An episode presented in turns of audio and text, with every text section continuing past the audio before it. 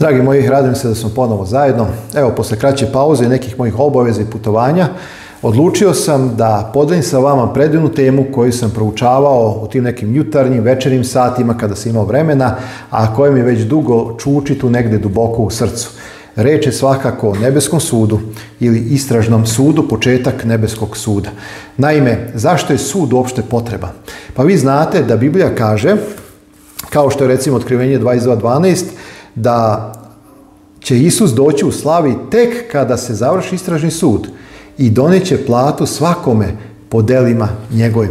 Drugim rečima, Isus ne može doneti platu dok pre toga nije bilo presude, a pre toga nije bilo suda ili istražnog suda koji je odlučio da li će neko biti spašen ili će neko biti izgubljen. To vam je kao kad je u pitanju ovo zemaljski proces suđenja. Znači imate nekoga ko je tužen, okrivljen, Soto na nas tuži pred Bogom da smo krivci, da smo zaslužili smrt, međutim Isus nas pravda pred Ocem svakoga koga je prihvatio za svog ličnog spasitelja. Tako isto i u zemaljskim sferama, znači osuđenik je optužen, onda sud zaseda, ispituje za i protiv, porota donosi odluku i kada sudija lupi, li tako, posle pročitanog izvještaja. izveštaja, da li je čovjek okrivljen ili opravdan, tu više povratka nema. A, I tada dolaze plata ili konsekvenca. Ili odlaziš na slobodu, ili odlaziš u zatvor. Isto se, dragi moji, dešava kad je u pitanju nebeska sfera i ono što Bog čini i radi. I Bog je to u svojoj milosti otkrio proroku Danilu. I to je ono što želim da podelim sa vama. Živimo, dragi moji, na samom kraju šestog pečata. O otvaranju šestog pečata i dokazima koji pokazuju da smo na samom kraju šestog pečata odradio se u mojoj prvoj emisiji u ovoj seriji posljednje vremena. Ako želite, pronađite na mom kanalu, možete pogledati. A ono što bih sada dodao jeste da živimo u najsvečanijem trenutku istorije naše planete, na samom kraju istorije naše planete, kada Boži sudovi vise nad zemljom kao, kao kap kiše koja samo što nije pala, a vi znate da Biblija govori o sedam zala koje će Bog sručiti na ovaj svet pre nego što se Isus pojavi u slavi. Ono što je ključno iz cijele ove priče jeste da danas, danas budemo spremni. Da danas budemo pomireni sa Bogom, da prihvatimo našeg Isusa Hrista za spasitelja i da u našem srcu nema gneva ni mržnje prema onima koji su oko nas, našim bližnjima ili možda našim neprijateljima. A, dragi moji, nema ništa lepše nego živjeti u slobodi koje nas je Isus oslobodio. Dao nam duha svetoga koji je nosilac te slobode i ljubavi Hristove u nama. A, Razmišljao sam, pošto je objeman materijal, kako da ga maksimalno suzim, kako da ne bude zamorno, a da ipak bude dovoljno informacija koje će vam dati jednu jasnoću u razumevanju ove teme. Ako nemate u ovom trenutku, dragi moji, dovoljno kvalitetnog vremena, prekinite sa gledanjem ove emisije i nastavite kada odvojite vreme da možete biti skoncentrisani, da vas niko ne uznemirava i da možete ispratiti ono što sam spremio za vas. Na ekranu ću postaviti šemu dijagram i vi je gledajte i pratite dok budem iznosio biblijske tekstove. Iznosit ću po sistemu pitanja odgovori da bi vam moglo biti jasnije i da bi mogli shvatiti ovu predivnu istinu koju Bog želi da znamo. Zato nam je i otkrio, zato što želi da je znamo. A, još jednom ponavljam, nebeski sud mora da se desi da bi Isus mogao doneti platu svakome po delima njegovim. Znači mora se završiti taj istražni sud, a onda dolazi presuda. hajde da krenemo redom. Ja ću svakako ispod videoklipa postaviti link da se lakše snađete za moj prvi videoklip koji govori da živimo na kraju šestog pečata, jer kad se otvori sedmi pečat, posatiš na nebu, što znači da Isus i svi anđeli dolaze na zemlju i tada donosi spasenje. A ostavit ću vam i neke tekstove koje ću sada izneti ako želite još koji put da pročitate. A možete svakako i više puta odgledati emisiju da bi vam sve ove informacije onako došle na, na um, da biste imali jednu pravu sliku. Hajde da krenemo redom. Naime, sveto pismo govori da će Bog a, u jednom trenutku doći u svoje slavi. Pre nego što dođe, Pavle kaže u 2. Korinčanima 50, jer nam se svima valja javiti na sudu Hristovu da primimo svaki što je koji u telu činio ili dobro ili zlo. Znači, svi ćemo doći na sud i svi ćemo platiti, dobiti platu za ono što smo činili u našem životu, u telu, ili dobro ili zlo. A u delima 17.30.31 apostol Pavle također kaže da je Bog odredio dan u koji će suditi celome svetu preko Isusa Hrista. Zato verujem da je, ova da je ovo izuzetno važna tema koja zahteva tvoju moju pažnju, tvoje i moje vreme. Ja sam se potrudio da ovo uradim za vas, ali eto vas molim još jednom Odvojite kvalitetno vrijeme i odslušajte ovu emisiju do kraja. Idemo, idemo redom. Evo, u ovom trenutku imate dijagram, imate šemu koju možete pratiti. Vreme suda je otkriveno. U Danilu 8. glavi 13. i 14. stihu čitamo tada čuh jednoga sveca gdje govoraše, a jedan svetac reče nekome koji govoraše, dokle će trajati ova utvara za svagdašnju žrtvu i za otpad pustošnji da se gazi svetinja i vojska, a reče mi do 2300 dana i noći, onda će se svetinja očistiti. Za koje vrijeme je dato ovo proročanstvo? Danilo 8.17 otkriva. I dođe gde stajah i kad dođe uplaših se i padoh na lice svoje, on reče, pazi sine čovečiji, jer je ova utvara za posljednja vremena. Zašto Danilo nije odmah razumeo ovo razdoblje od 2300 dana i noći? Čitam tekst Danilo 8. glava 26 i 27 stih. A rečena utvara u danu i noći istina je zato ti zapečati utvoru jer je za mnogo vremena. Tada ja Danilo zanemogoh i bolovah neko vreme i posle ustah i vrših poslove careve i čudih se utvari, ali niko ne dozna. I onda, dragi moji, Danilo se molio za objašnjenje, on je želeo da razume i onda čitamo tekst a, deveta glava Danilo od 1 do 9. Prve godine Darija sina Asvirova od plemena Mickoga, koji se zacari nad carstvom Haldejskim prve godine njegova carovanja ja, Danilo, razumeh, zapazite, iz knjige broja godina koje beše rekao gospod Jeremiji, proroku, da će se navršiti razvalinama jerusalimskim 70 godina i okretoh lice svoje ka gospodu Bogu, tražeći ga molitvom i molbama, postom i kostreti sa pepelom.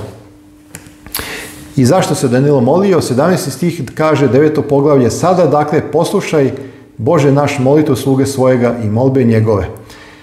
I onda čitamo Danilo 9. glava od 21 do 23. Dok još govorah, moljeći se, onaj čovjek Gavrilo, koga videh, znači Gavrilo je uzeo ljudski oblik kao anđel, tako, dolete brzo i dotače me sa večernoj žrtvi. I nauči mi, govori sa mnom i reče, Danilo, sada izađog da te razumim. U početku molite tvoje, iziđe reč ja dođu da ti kažem jer si mio zato slušaj reč i razumi utvaru. Dragi moji, sam anđeo je došao iz nebeskih dvorova da objasni Danilu ovo pročanstvo. Kojim rečima je anđeo počeo da objašnjava utvaru od 2300 dana i noći?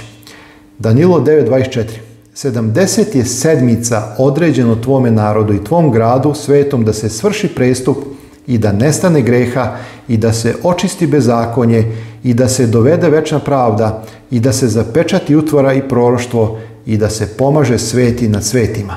Evo jedno kratko objašnjenje. Šta znači 2300 dana, od kojih je 70 sedmica oduzeto ili ocečeno? Dan u proročanstvu, obratite pažnju, dan u proročanstvu znači jednu građansku godinu. Četvrta Mojsijeva 14.34 i Jezeki 4.6. Neću čitati, ali tu imate objašnjenje da je dan jedna proročka godina.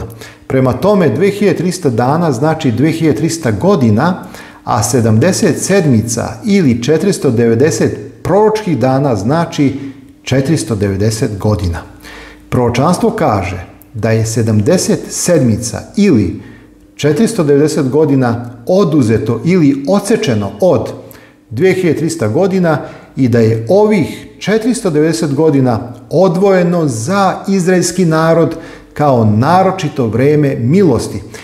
Tu, dragi moji, svakako ulazi period dolaska Isusa Hrista prvi put, njegovo krštenje, njegovo pomazanje, tako, njegovo smrt, vaskrsenje i kamenovanje Stefana kada se završava vrijeme milosti izraelski narod i kada počinje propovedanje evanđelja za neznabošce. Ali to će još kasnije spomenuti. Ono što je sada bitno da razumete jeste koji događaj označava polaznu tačku za računanje 77. Zato zna i razumi otkad izađe reč da se Jerusalim opet sazida, do pomazanika vojede bit će 7 sedmica i 62 sedmice da se opet pograde ulice i zidovi i to u teško vreme Danilo 9.25. Kratak komentar. Ovdje je data polazna tačka, zapazite, ovdje je data polazna tačka kako za 2300 proročkih dana, tako i za 70 sedmica. Pošto je razdoblje od 2300 proročkih dana jedino razdoblje koje se spominje u osmoj glavi, to je 70 sedmica moralo biti odsečeno od njega. To znači da su 70 sedmica deo, znači 70 sedmica su deo od 2300 godina i da ta dva perioda počinju isto vrijeme. Zato je dobro, dragi moji, da pratite dijagram, da razumete sve ove informacije. 70 sedmica prema anđelovom objašnjenju počele su vrijeme kada je bila izdana zapovest da se Jerusalim opet sazida. Ovu zapovest izdao je persijski car Artakseks Logingman u jesen 457. godine pre Hrista. Evo recimo jedan biblijski tekst gdje to piše Jezra, sedma glava, od 7. do 13. stiha i 23. stih.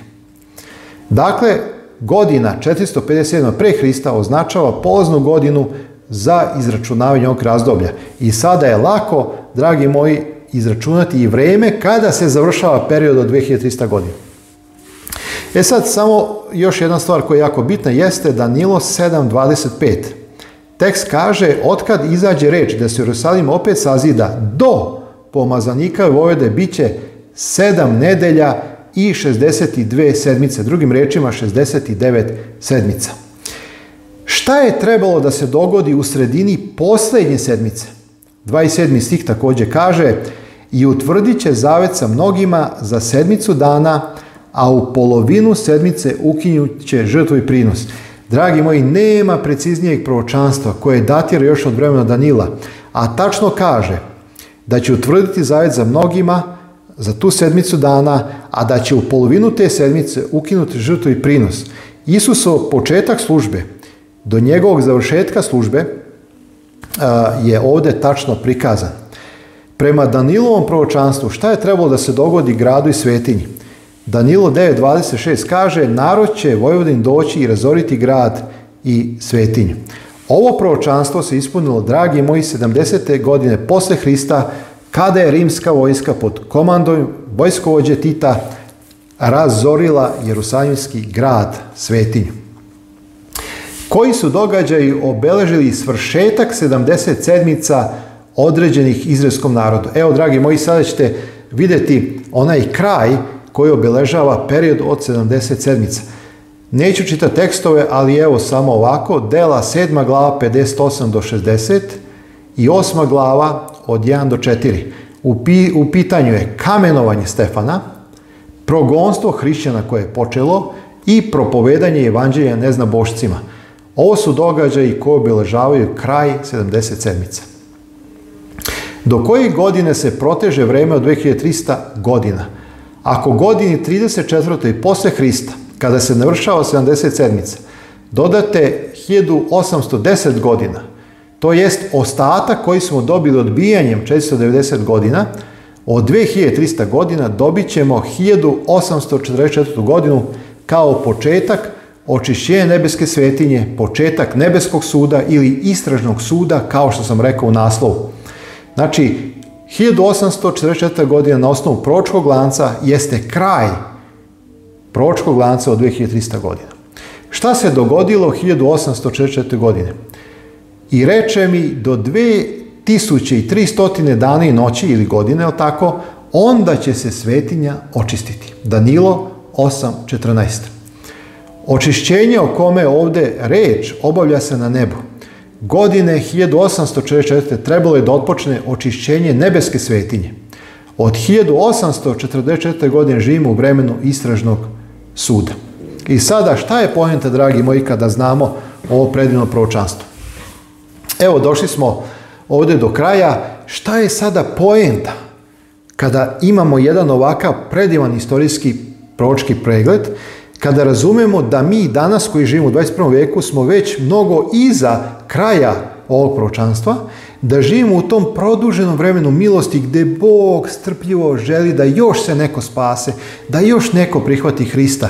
I zato, dragi moji, ove emisije, i zato mnogo drugih propovedi, i zato mnogo vapaja i poziva da se ljudi pokaju, ostave svoje grehe, jer živimo u najsvečanijem momentu istorije ove naše planete, pred sam drugi Hristo dolazak. Mi ne znamo kada će Isus doći, mi ne znamo kada će se završiti ovaj nebeski sud, Bog nam to nije otkrio i hvala Bogu za to, ali nas ovaj pročki lanac i ova istina poziva da živimo jednim pravim, svetim, hrišćanskim životom i da propovedamo evanđelje o sudu Božjem koji se odvija i Hristom drugom dosku. S obzirom da je na nebu počeo istražni sud, Šta nam Bože reč, dragi moji, savjetuje da činimo? Evo, predivan tekst iz otkrivenja 14. pogleda 7. stih. Ima mnogo, ali zbog vremena, evo. I govoraše velikim glasom. Bojte se Boga. Podajte mu slavu. Jer dođe čas suda njegova. Inače, o sudu Božjem ima mnogo tekstova, dragi moji. Ja sam samo uzeo jedan deo koji se bavi pročkim lancom od 2300 godina, ali na mnogim drugim mjestima u Bibliji se govori o Božjem sudu. Tako da ne misli neko, jao, to je samo taj jedan tekst i sada je to tako. Pa jeste, jeste, ali ja nemam vremena da vam sve te tekstove poređam. Ali evo samo nekoliko. Otkrivenje 14.7 kaže, dođe čas suda njegov.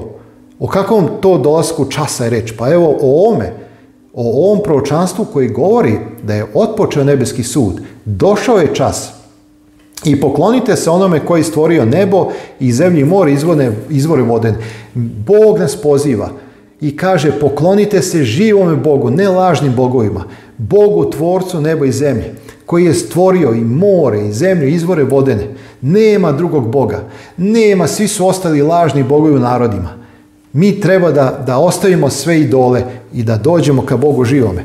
I evo apostol pavlu u Delima 17, 30 i 31 kaže ne gledajući dakle Bog na vremena neznanja, sada zapoveda svim ljudima svuda da se pokaju, jer je postavio dan u koji će suditi vas i onome svetu po pravdi preko čovjeka kojeg odredi, misli se na uzemajsku službu Isusa Hrista, i dade svima veru vaskršnosti ga iz mrtvih. Dela 17.30.31.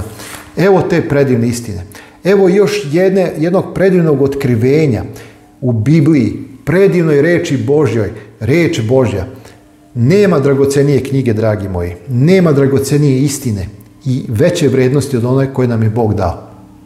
Još jednom i tu završavam. Hajde da ostavimo grehe. Hajde da se pokajemo. Hajde da ljubimo naše Boga i srca.